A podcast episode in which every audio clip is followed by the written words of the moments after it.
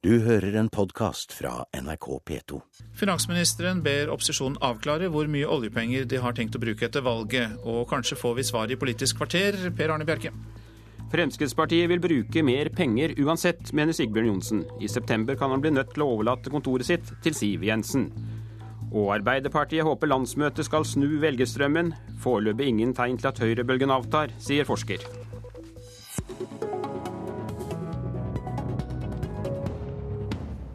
I morgen åpner Arbeiderpartiets landsmøte, og som vanlig har delegatene med seg flere kostbare forslag, som f.eks. at staten skal ta mesteparten av regningen når vi er hos tannlegen.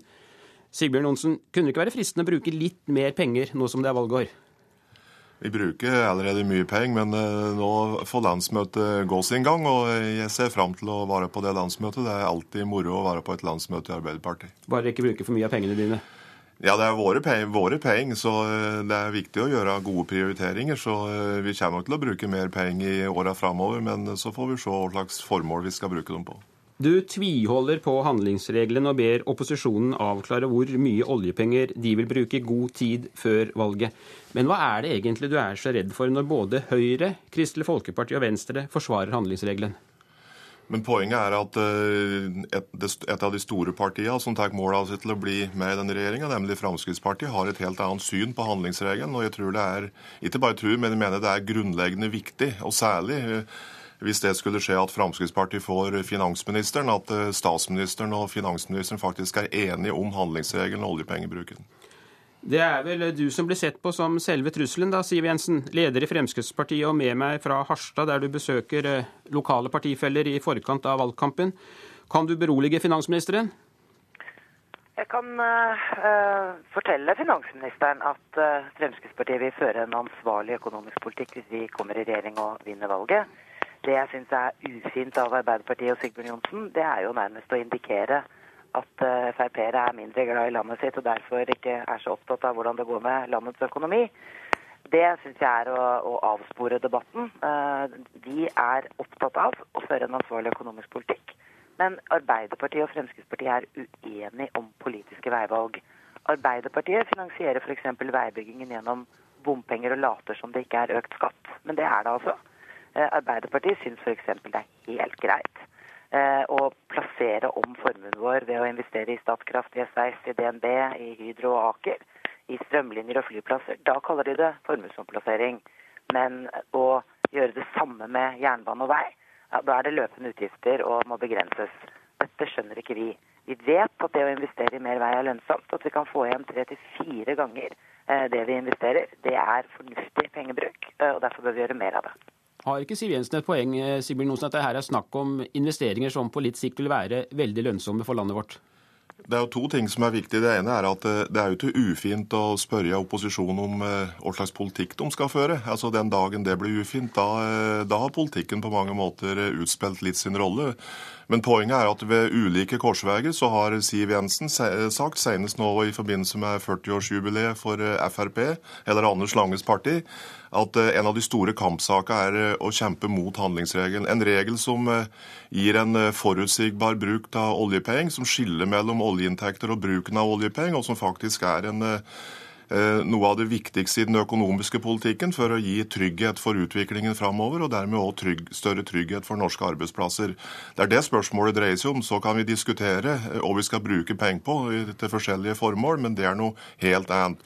Og så er det jo slik at det f.eks. å kjøpe aksjer i, eller ha ny kapital i Statoil eller Statkraft, er jo investeringer som gir stor avkastning, og som gir penger til ulike gode formål over streken i statsbudsjettet. En vei i seg sjøl gir ikke fem øre i inntekter. Eh, det som kan gi inntekter på en vei, er jo der du har bompengeselskaper som faktisk krever inn bompenger, som gjør at eh, bompengeselskap kan finansiere lån. Siv Jensen, kan du nå svare konkret på det finansministeren lurer så veldig på? Hvor mye av oljepengene vil dere bruke? Er det 4% er det 5% er det 6% eller hvor har dere satt grensen i Fremskrittspartiet? Det må vi tilpasse hvert eneste år når vi lager statsbudsjett ut fra den faktiske økonomiske situasjonen. Så er det også sånn at Handlingsregelen har vært brutt hvert eneste år, også av Sigbjørn Johnsen og hans regjering. Eh, man var i utgangspunktet opptatt av at handlingsregelen skulle prioriteres til infrastruktur, forskning og skattelette. Nå sier Sigbjørn Johnsen, og det har han skrevet eh, skriftlig til Stortinget, at uh, hans regjering de legger ikke føringer på hvordan de bruker oljepengene. og Det betyr at det er like viktig for dem å blåse opp de offentlige utgiftene, varig økte utgifter, i stedet for å kanskje investere i fornuftige ting. Sånn at her er vi uenige. Eh, og så er det også sånn at det er helt uklart for velgerne hva slags politikk den rød-grønne regjeringen kommer til å føre etter valget også. Vi ser det jo nå, splid etter splid mellom de tre rød-grønne partiene i EØS-spørsmål, Schengen-spørsmål. SV vil øke skattene. Vel, det vil strengt tatt Arbeiderpartiet også, bare at de kaller det for bompenge, bompengeinnkreving. Eh, det er altså uenigheter der òg. Vi har sett gjennom de siste årene at denne regjeringen underfinansierer sykehusene, som er direkte uansvarlig, for de skaper lange køer, det er dyrt, det er usmart. Jo. Eh, og det er i hvert fall ikke samfunnsøkonomisk lønnsomt å la folk stå i sykehuskø fremfor å være på jobb. Jo, Sigbjørn Olsen, Hvorfor vil det skade norsk økonomi hvis du da f.eks. Eh, importerer kostbart medisinsk utstyr fra utlandet? En må alltid gjøre prioriteringer på statsbudsjettet om en skal kjøpe medisinsk utstyr eller bruke penger på andre ting. Men jeg har lyst til å si tre enkle ting til Siv Jensen om handlingsregelen. Punkt én. Det viktige med handlingsregelen er å skille løpende oljeinntekter fra bruken. Det er punkt én. Punkt to så er det en stor handlingsregel som sier at vi i dårlige tider skal bruke litt mer, og i gode tider litt mindre. Og det fjerde, som er den virkelige handlingsregelen, er at over tid så, så bør en bruke eh, 4 ta eh, avkastningen fra pensjonsfondet eller renta på pensjonsfondet. Det er det som er handlingsregelen. Så ble det skrevet noen merknader om områder som en kunne bruke penger på. Forskning, eh, utdanning, eh, infrastruktur, altså vei og jernbane. Og denne regjeringa har jammen satset på det. Eh, Fremskrittspartiet var f.eks. ikke med på den merknaden. De var opptatt av å bruke pensjonsfondet til å fondere pensjoner, som for så vidt var et aktverdig formål. Men Siv Jensen prøver å prate seg vekk fra saken, og det er at det er stor uenighet mellom den mulige statsministeren i en ny borgerlig regjering og den mulige finansministeren i den regjeringa. Hvis Jens og undertegnede hadde vært så grunnleggende uenige om handlingsregelen, så hadde finansministeren hatt et stort problem. Siv Jensen, hvis du da blir eh, finansminister etter valget, er det ikke da rimelig at du forteller forteller velgerne hvor mye av oljepengene du skal bruke, og ikke bare vise at dette skal dere snakke om etter valget, men si konkret hvor mye oljepenger skal dere bruke i forhold til den nåværende regjeringen? Ingen regjering har på forhånd sagt hvor mye oljepenger de kommer til å bruke hvert eneste år. Rett og slett fordi det handler om utviklingen i norsk økonomi over tid. Eh, om økonomien tåler mer penger, eller om de må Jo, men 4 %-regelen ligger vel der? Jo, men Poenget er at det, det Sigbjørn Johnsen fremhever som det han kaller tre enkle ting om handlingsregelen, det kan jeg. Handlingsregelen ble innført sammen med inflasjonsmålet for pengepolitikken i 2001, eh, hvor man trakk opp disse litt kunstige skillene for pengebruk. Jeg er like opptatt jeg, av å skille mellom investering og drift, fordi det er forskjell på å investere og på å bruke opp penger.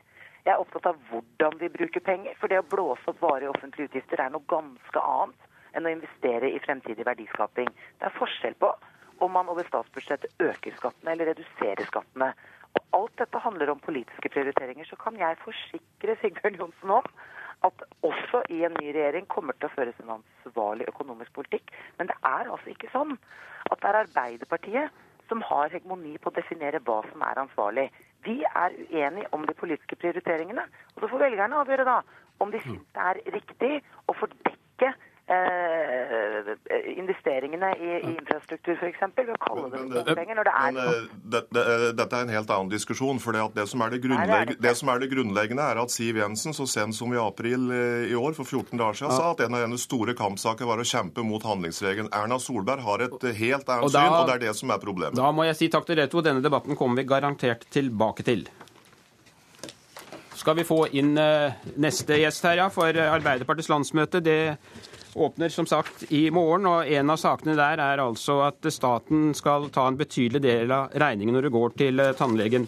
Velkommen hit, eh, Sonja Mandt, stortingsrepresentant og leder i Vestfold Arbeiderparti. Jeg burde vel egentlig introdusere deg med å si vær så god, sitt ned og gap opp. Hvorfor mener du at staten bør ta tannlegeregningen? Vi er eh, utålmodige. Eh, vi ønsker at eh, landsmøteforslagene våre fra tidligere skal nå innfries. og Derfor så har vi et forslag om et egenandelstak. Det utjevner sosiale forskjeller og også, gir også en bedre folkehelse hvis folk får stell av tennene sine og har råd til det. Men dere mener altså at tannhelsen eh, på sikt skal integreres som en del av det offentlige ansvaret på lik linje med øvrige helsetjenester, som det står i dette forslaget. Og betyr ikke dette i realiteten da fri tannhelsebehandling? Vi har veldig mye helsetjenester som har egenandel. Altså Hvis du går til fastlegen, så har du det. Og, og bruker fysioterapi, så har du det. Så vi ønsker i første omgang en egenandelstak på 3000 kroner. Og det er fylkespartiene i Vestfold, eh, Telemark, Vest- og Aust-Agder som står bak forslaget. Vi hadde en enda mer ambisiøst forslag forrige gang. Nå har vi sagt at vi, vi har et tak på 3000 kroner, og det mener vi er riktig. Nå hørte vi finansministeren nettopp si at det er nødvendig å begrense pengebruken. Og vi vet jo altså at det brukes enorme beløp på helse i Norge. Går det ikke et sted en grense for hva staten kan påta seg av utgifter? sånn jeg Vi tror at det er riktig prioritering å prioritere god eh, tannhelse. Eh, og det er brukt veldig mye penger på tannhelse de siste sju åra. Over 1 milliard kroner er økt. Og nå har vi beredt grunn for at vi skal kunne innføre et eh, egenandelstak. Fått flere tannleger, mer rekruttert, bedre, eh, mer opplært tannleger. Vi har integrert flere nye grupper inn i refusjonsordninger. Nå er vi utålmodige og ønsker at eh, resten av befolkningen også skal få være med på det og ha et egenandelstak på 3000 kroner. Men så hører vi også at sykehusene mangler penger. Hva er viktigst, eh, helsevesenet eller tannhelse? Jeg tror vi må se det over ett. Eh, tannhelse er helse, som jeg var inne på. Folkehelse det å eh, utjevne sosiale forskjeller. Eh, alt eh, ligger innenfor tannhelse- og helsefeltet. Så jeg tror vi må se på tannhelse som en del av helsefeltet som vi ikke har vært veldig flinke til å gjøre. Nå ble jo et lignende forslag om fri tannhelse vedtatt på landsmøtet for to år siden og for fire år siden, og så har ledelsen da ikke fulgt opp. Hva syns du om at partiet nærmest boikotter det dere har fått flertall for på landsmøtet? Jeg tror at tida er inne for at det nå kan bli realisert, for nå har vi lagt beredt grunn for at det kan gjøres. Som jeg sa, det har blitt flere tannleger, sånn at vi kan få et likt tilbud over hele landet. Og så er vi veldig utålmodige nå for å få det til. Eh, de har utreda uh, ulike former for egenandelstak i uh, departementet. Da er det klart å kunne sette inn støtet. Få, vedtatt, få gjennomført det vedtaket som vi fire fylkespartier hadde forrige gang, og som vi har denne gangen. Takk skal du ha, Sonja Mandt. Så får vi da se om landsmøtet får gjennomført forslaget sitt denne gang. Arbeiderpartiets landsmøte åpner i skyggen av elendige meningsmålinger. På et snitt av målingene for mars så ligger partiet på 27,9% Høyre har 32,4 Forsker og NRKs ekspertkommentator også ved dette valget, Bernt Årdal. Ser du noen som helst tegn på at eh, denne høyrebølgen skal avta de neste månedene? Ja, Det er jo ikke så lett å spå om, om framtida, som kjent. Eh, nei, vi ser at det er veldig stor stabilitet blant Høyres tidligere velgere. Vi ser også at Høyre og Fremskrittspartiet til sammen ligger veldig solid an, mellom 45 og pluss, holdt å si, i oppslutning. Eh, så, sånn sett så ser det ikke ut men vi, for at det skal bli noe endring. Men likevel, det er en del usikkerhetsfaktorer eh, i, i den samlede oppslutningen. Men spørsmålet er jo om det er, vil være nok til at det ikke skulle gjøre et, kna, et brakvalg det, det tror jeg nok det, det, ser ut til at de vil kunne gjøre. Denne uka har eh, Erna Solberg vært på statsministerskole hos David Cameron i London. Hvor viktig er det for Høyre at partiet nå har en leder som fremstår som den eneste reelle utfordreren til Jens Stoltenberg? Det er klart at det er en veldig stor fordel, og vi skal ikke lenger tilbake enn til forrige valg, før situasjonen var helt motsatt. Da var jo diskusjonen Jens eller Jensen. Nå er det Jens eller Erna.